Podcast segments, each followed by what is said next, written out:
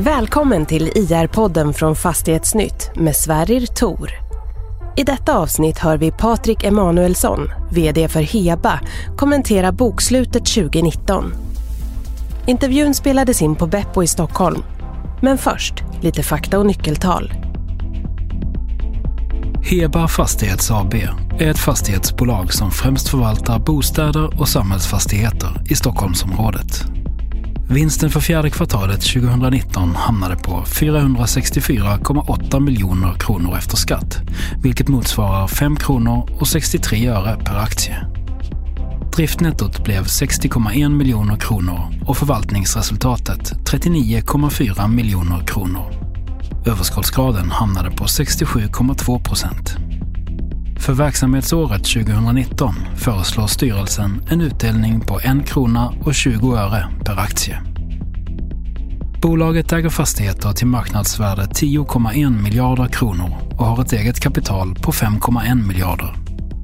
Soliditeten är 52,9 procent, räntetäckningsgraden 4,6 gånger räntekostnaderna och belåningsgraden är 33,1 procent.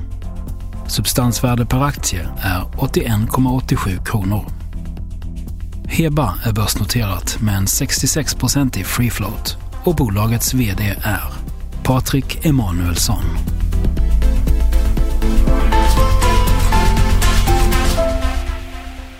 Hej Patrik, välkommen till EU-podden. Tack så mycket, hej Sverige. Uh, nu är du här i studion hos mig för första gången som vi är samman i den här studion. Ja, samtidigt i alla fall. Ja, mm. det är trevligt. trevligt. Ja, absolut. Du, när man läser vd-ordet, när man läser sammanfattningen i rapporten, då, då förstår man att det har hänt väldigt mycket hos Heba under 2019. Det är väl det mest intensiva året i, i bolagets historia om inte annat. Ja, alltså det kan jag faktiskt inte uttala mig om. Eh, vi har haft ett väldigt intensivt år och, och jobbat med väldigt mycket saker och, och eh, nu börjar det liksom eh, leverera. Så mm. det är väl det man ser på ett väldigt tydligt sätt. Mm. Ni har både synts liksom på, på säljsidan, på köpsidan, på transaktionsmarknaden. Ni har kört igång en, en jäkla massa nya projekt, höll jag på att säga. Ni har eh, tagit nya, alltså nya arbetssätt i, i, i typ av förvärv. Och ni har passerat det här målet som vi har tjatat om, om 10 miljarder. Nu får vi börja prata 20 snart. 20 miljarder? Absolut. När är ni där tror Ja, det kan man undra. Nej, men vi har ju en, vi har en plan som vi håller oss till och, och det är väl egentligen det man ser nu. Det är väl inte mer konstigt än att vi, vi har en strategi som vi följer ganska nogsamt och, och vi prickar av eh, strategi efter strategi nu och prickade av ju ett par stycken till idag här. Mm, mm. Så att, eh, och det kombinerat med mycket bra medarbetare och, och, väldigt stort fokus på de här sakerna och, och eh, i, i, direkt samklang med, med styrelsen såklart. Då. Så att eh, mm. då, då bär det frukt. Mm. Är ni hjälpta av, av konjunkturen, av, av liksom det här gynnsamma läget för fastigheter som, som man pratar om hela tiden? Är liksom, eller är det någonting som är helt oberoende av? Nej, men det är klart att vi är det. Att vi är hjälpta av det. Jag brukar säga det, om man misslyckas med fastigheter i Stockholm kanske man är i fel bransch. Nu är väl det kanske lite överdrivet, men lite åt det hållet är det ju också såklart. Det finns ju de som har gjort det senaste åren. Ja, jag tog ju i lite grann sa jag. Men eh, man kan väl säga så här också att eh, sista halvåret så, så har vi ju märkt av konjunkturen fast utifrån att konjunkturen, alltså att det blivit mer intensivt. Mm. Så att det har ju mer varit åt det hållet för vår. Jag tror att det är många fler som riktar näsorna mot det vi håller på med. Mm. Och då ökar ju konkurrensen. Mm. Och det ser vi, men det tycker ju vi liksom att i grund och botten gör ju inte det någonting, för vi tycker ju att vi har ett eh, vi tycker ju att vi är väldigt konkurrenskraftiga i, egentligen i alla delar. Mm. Så att vi borde, vi borde kunna rida över en sån ökad konkurrens, eh, tycker jag, utan, utan några större problem. Nu har det också hänt rätt mycket på just, just hyresrättsmarknaden i form av Hembla-affären i form av, som du nämner i, i, rapporten, två nya aktörer som kommer in på börsen. Det här kanske är någonting som till och med lyfter er, alltså att ni, ni, får, ni känner en extra medvind? Ja, medvind kanske var att ta i det, men framförallt så är det klart att när det kommer in två aktörer som liknar oss väldigt mycket så är det klart att man eh, fokuset eller man tittar mer på oss samtidigt. Och det kan jag bara säga, det välkomnar vi ju. Det mm. tycker vi är väldigt bra. Så ur det perspektivet så kan det ju bli medvind. Mm. är väl min uppfattning. Sen tycker jag väl att i övrigt jämförelsen mot eh, Hembla, Vonovia eller vad vi nu kallar det för, där är vi ju ändå väldigt olika även om vi företräder eh, samma marknad. Mm, mm. Ni, ni kör ju rätt mycket rotrenoveringar. Ja. Eh, men den här renoveringsmodellen som, som just Hembla, Victoria Park, den som Vonovia har köpt sig in i. Det är ingenting som, som Heba sneglar mot? Nej, alltså vi har sneglat på den väldigt intensivt för vi vill ju förstå vad de gör som inte vi gör och så vidare. Och det har vi ägnat väldigt mycket tid åt. Då. Men jag tror väl, eller vår bedömning är väl att det sättet vi gör kommer att vara det mest eh, hållbara rent långsiktigt. Mm. Eh, det är vi ju helt säkra på. När vi gör det vi gör nu så behöver vi ju inte komma tillbaka på överskådlig tid. Mm. Eh, och det tror jag att det finns en risk att andra aktörer kan, kan få göra. Plus att om man jobbar med styckevisa stambyten så har du en problematik i det rent tekniskt eh, och hur du får till det på ett effektivt sätt. Det andra är ju att du får ju en väldigt kraftfull störning hos de andra hyresgästerna som bor kvar under hela mm. den renoveringstiden som gör om det är 10% omsättning, då är det 10 år och så vidare. Mm. Mm. Så att jag tycker ju att det finns väldigt mycket som talar för vår modell utifrån den typ av bolag vi är. Mm. Som inte söker eh, kortsiktiga snabba vinster. Mm. Mm. Ja, ni har ju en helt annan, annan vad ska man säga, ägarbild än, än, än de här. Ja. Vilket, vilket borgar ju för långsiktighet. Eh, om, vi, om vi går igenom året 2019. Ni, ni säljer en hel del. Ja. Eh, gör uppåt en miljard va? Ja, eller ja, knappt 800 miljoner. Ja. Ni köper en hel del också. Ni gör en aktiesplit som är också väldigt intressant ni, i det här sammanhanget med John Mattsson och K2A. Att, att ni kommer liksom Aktien blir ju mer likvid. Eller ja. borde bli det per definition och det har den blivit. Den har ju stigit en hel del idag också. Mm. Vilket ju tyder på att rapporten har fallit marknaden i smaken. Mm. Eh, ni går in igen den här forward funding-modellen mm. med, med, Magnolia för första gången antar jag? Ja, med Magnolia första gången ja, men vi hade ju gjort det redan faktiskt innan med eh, Västbygg. Okej. Okay. Mm, I våra ungdomsboenden. Mm, och är det någonting som ni, ni ser som en, som en också en framtida arbetsmodell? För jag, jag är mest nyfiken i och för sig på den här affären med Åke Sundvall. Mm. Men, men att ni går in i samarbeten, joint ventures eller, eller forward funding? Ja, men man kan väl säga så här att, att eh, vi har ju hittat ett forward funding eller andra modeller där vi kan utnyttja vår starka balansräkning mm. eh, på ett effektivt sätt. Så, så då är vi öppna för det så länge vi tycker att vi kan garantera att slutprodukten blir bra. Mm. Och därför är vi ju inte, vi är inte speciellt oroade för de här typerna av upplägg. Då, utan och, har lärt oss mycket också vilka krav vi ska ställa för att det ska bli så bra som möjligt. Mm. Och, och, som sagt var, sen är ju det en helhet också hur, hur man finansierar en forward funding och, och sådär. Mm. Och finansiering är någonting jag tänkte vi skulle, vi skulle prata om lite senare. Men mm. Om vi går in i just investerings... För ni har ju varit ganska investeringsintensiva. Ni har en, en hel del projekt i, i pipe som, som kommer att levereras i år. Ni har, vi har redan pratat om, om renoveringar. Ni har investerat i, i olika typer av, av, tillgångar, eh, alltså samhällsfastigheter rätt mycket också. 610, 609 miljoner om man ska vara väldigt mm. exakt under 2019 som ni investerade i reda pengar och ni har en investeringsvolym framräknat på en och en halv miljard. Mm. Eh, när kommer de här liksom siffrorna och, och ska man säga, översättas till fastighetsvärde? Ja, det gör de ju delvis eh, redan det här året som kommer mm. då och, och året därefter och lite därefter. Och sen så eh, när det gäller rotdelarna så gör, de kommer ju successivt. Vi har ju ett, ett ganska konstant högt tempo där ett mm. antal år framåt. Men, men eh, de realiseras ju under de närmaste tre åren kan man säga och så fortsätter roten ett par, ett par år till på de liggande projekten. Mm. När är ni klara? När har ni rot hittat hela beståndet? Ja, om jag fick bestämma så har vi gjort det väldigt snabbt. Då. Eh, men jag skulle säga mellan fem till sju år. Okay, är vi igenom. Och då har vi ju, i och med att vi kör ett sådant koncept, så är det ju ganska resurskrävande med evakueringar och sådär. Så, så det, det, är nog ganska realistiskt att det tar den tiden. Eh, men den trånga sektorn, är det evakueringarna? Att det, hamnar ni i hyresnämnden med sådana här grejer? Eller? Ja, det gör vi väl. I alla fall har vi gjort det. Mm. Men det har vi väl liksom haft en rutin för hur vi gör det också. Så att det, det är med i, i, planen så att säga, att, att, i värsta fall hamnar vi där. Mm. Och där har ni, då har ni evakueringsbostäder antar jag också? För Ja. ja. Mm. Intressant. Du, samarbeten. Eh, Åke Sundvall, Ja, det kommer ju idag. det kom idag. Det är 500 lägenheter va? Eh, nej, det är eh, två, ja exakt hur många det är, men det kanske är runt 200 lägenheter. Okej, 500 miljoner. Ja, Just det, så var det. Berätta lite mer. Vad är det som gör det här unikt för Heba? Varför, varför, varför inte gjort det förr? Höll jag på att säga. Ja, jag kan bara prata om de senaste två och ett halvt åren.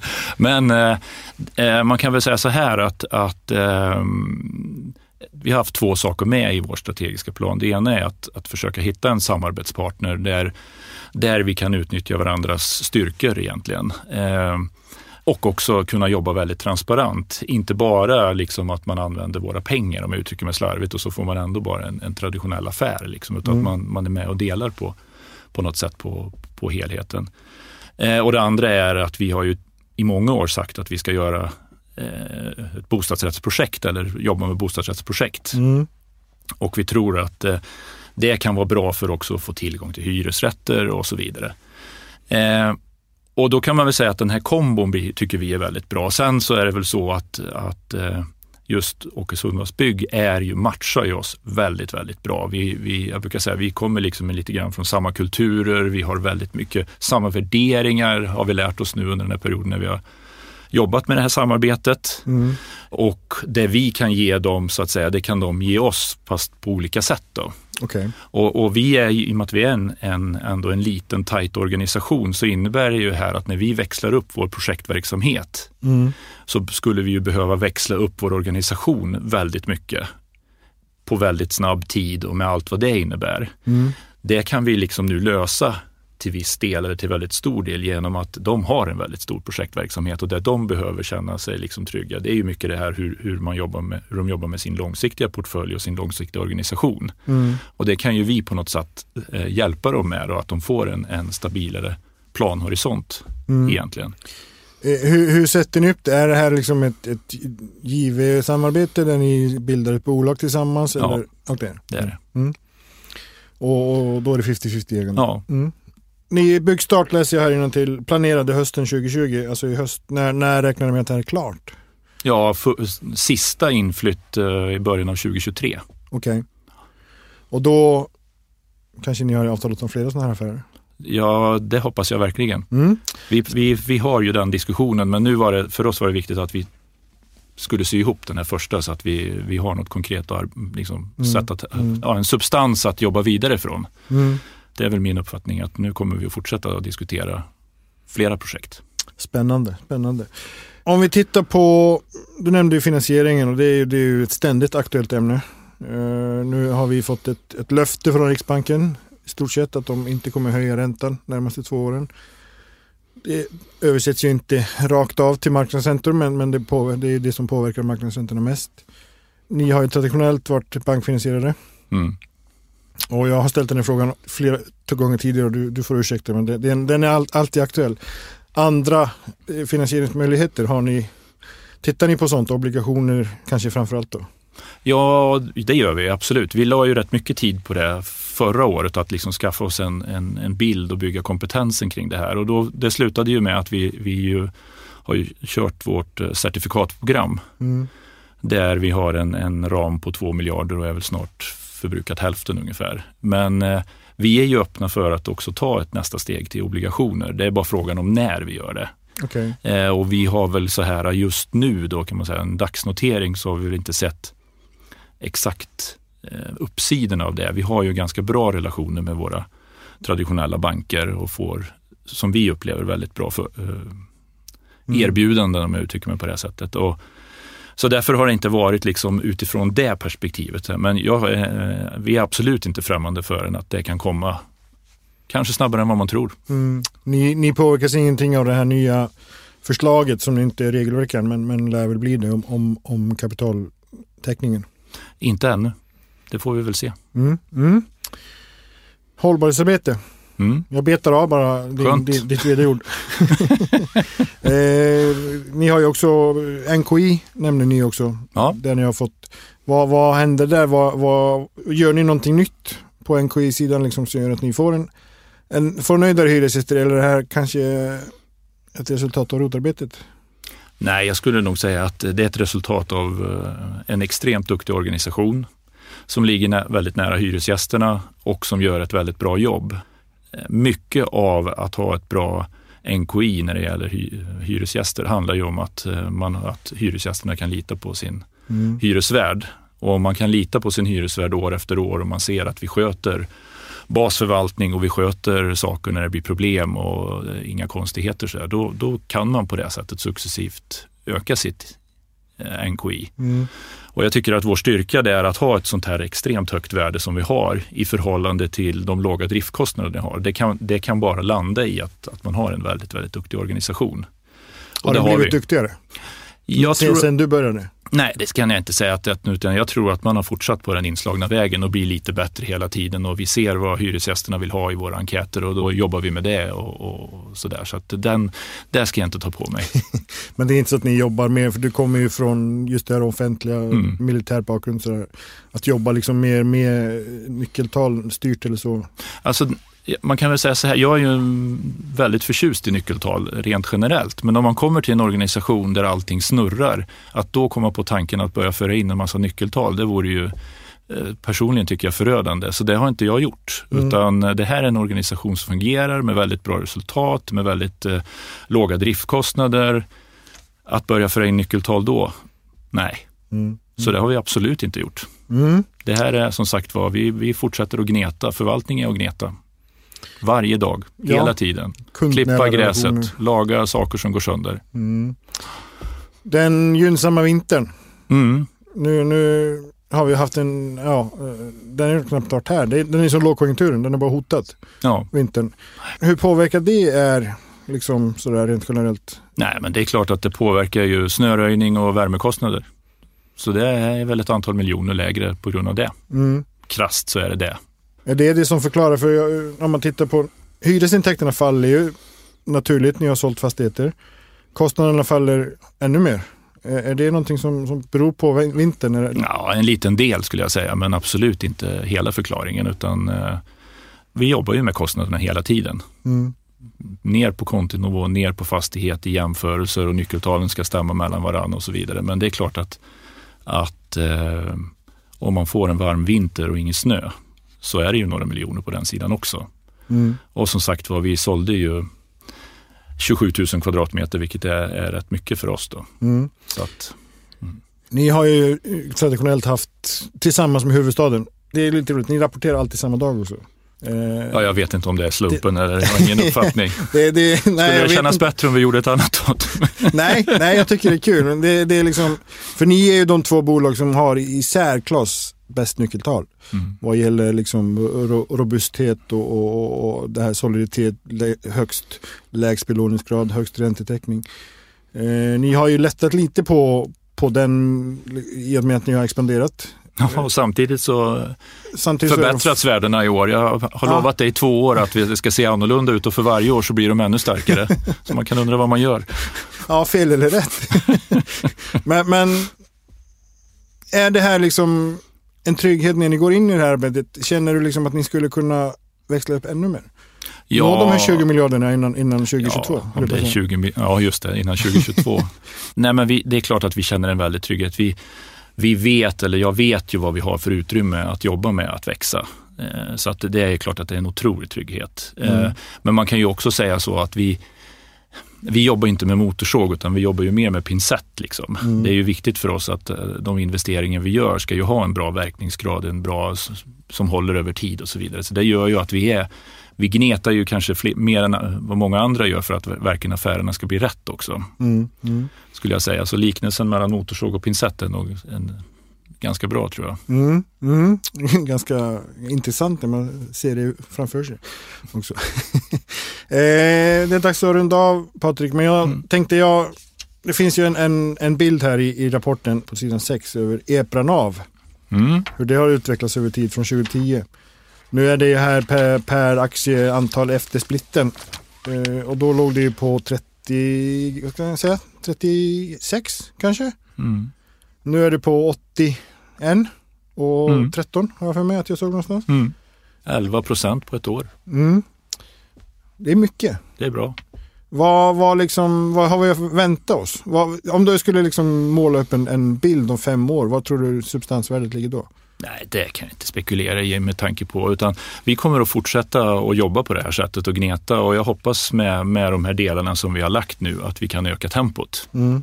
Så det är väl det. Några övriga utfästelser får du inte. Du är så politiskt korrekt Patrik. ja, Stort tack. tack själv.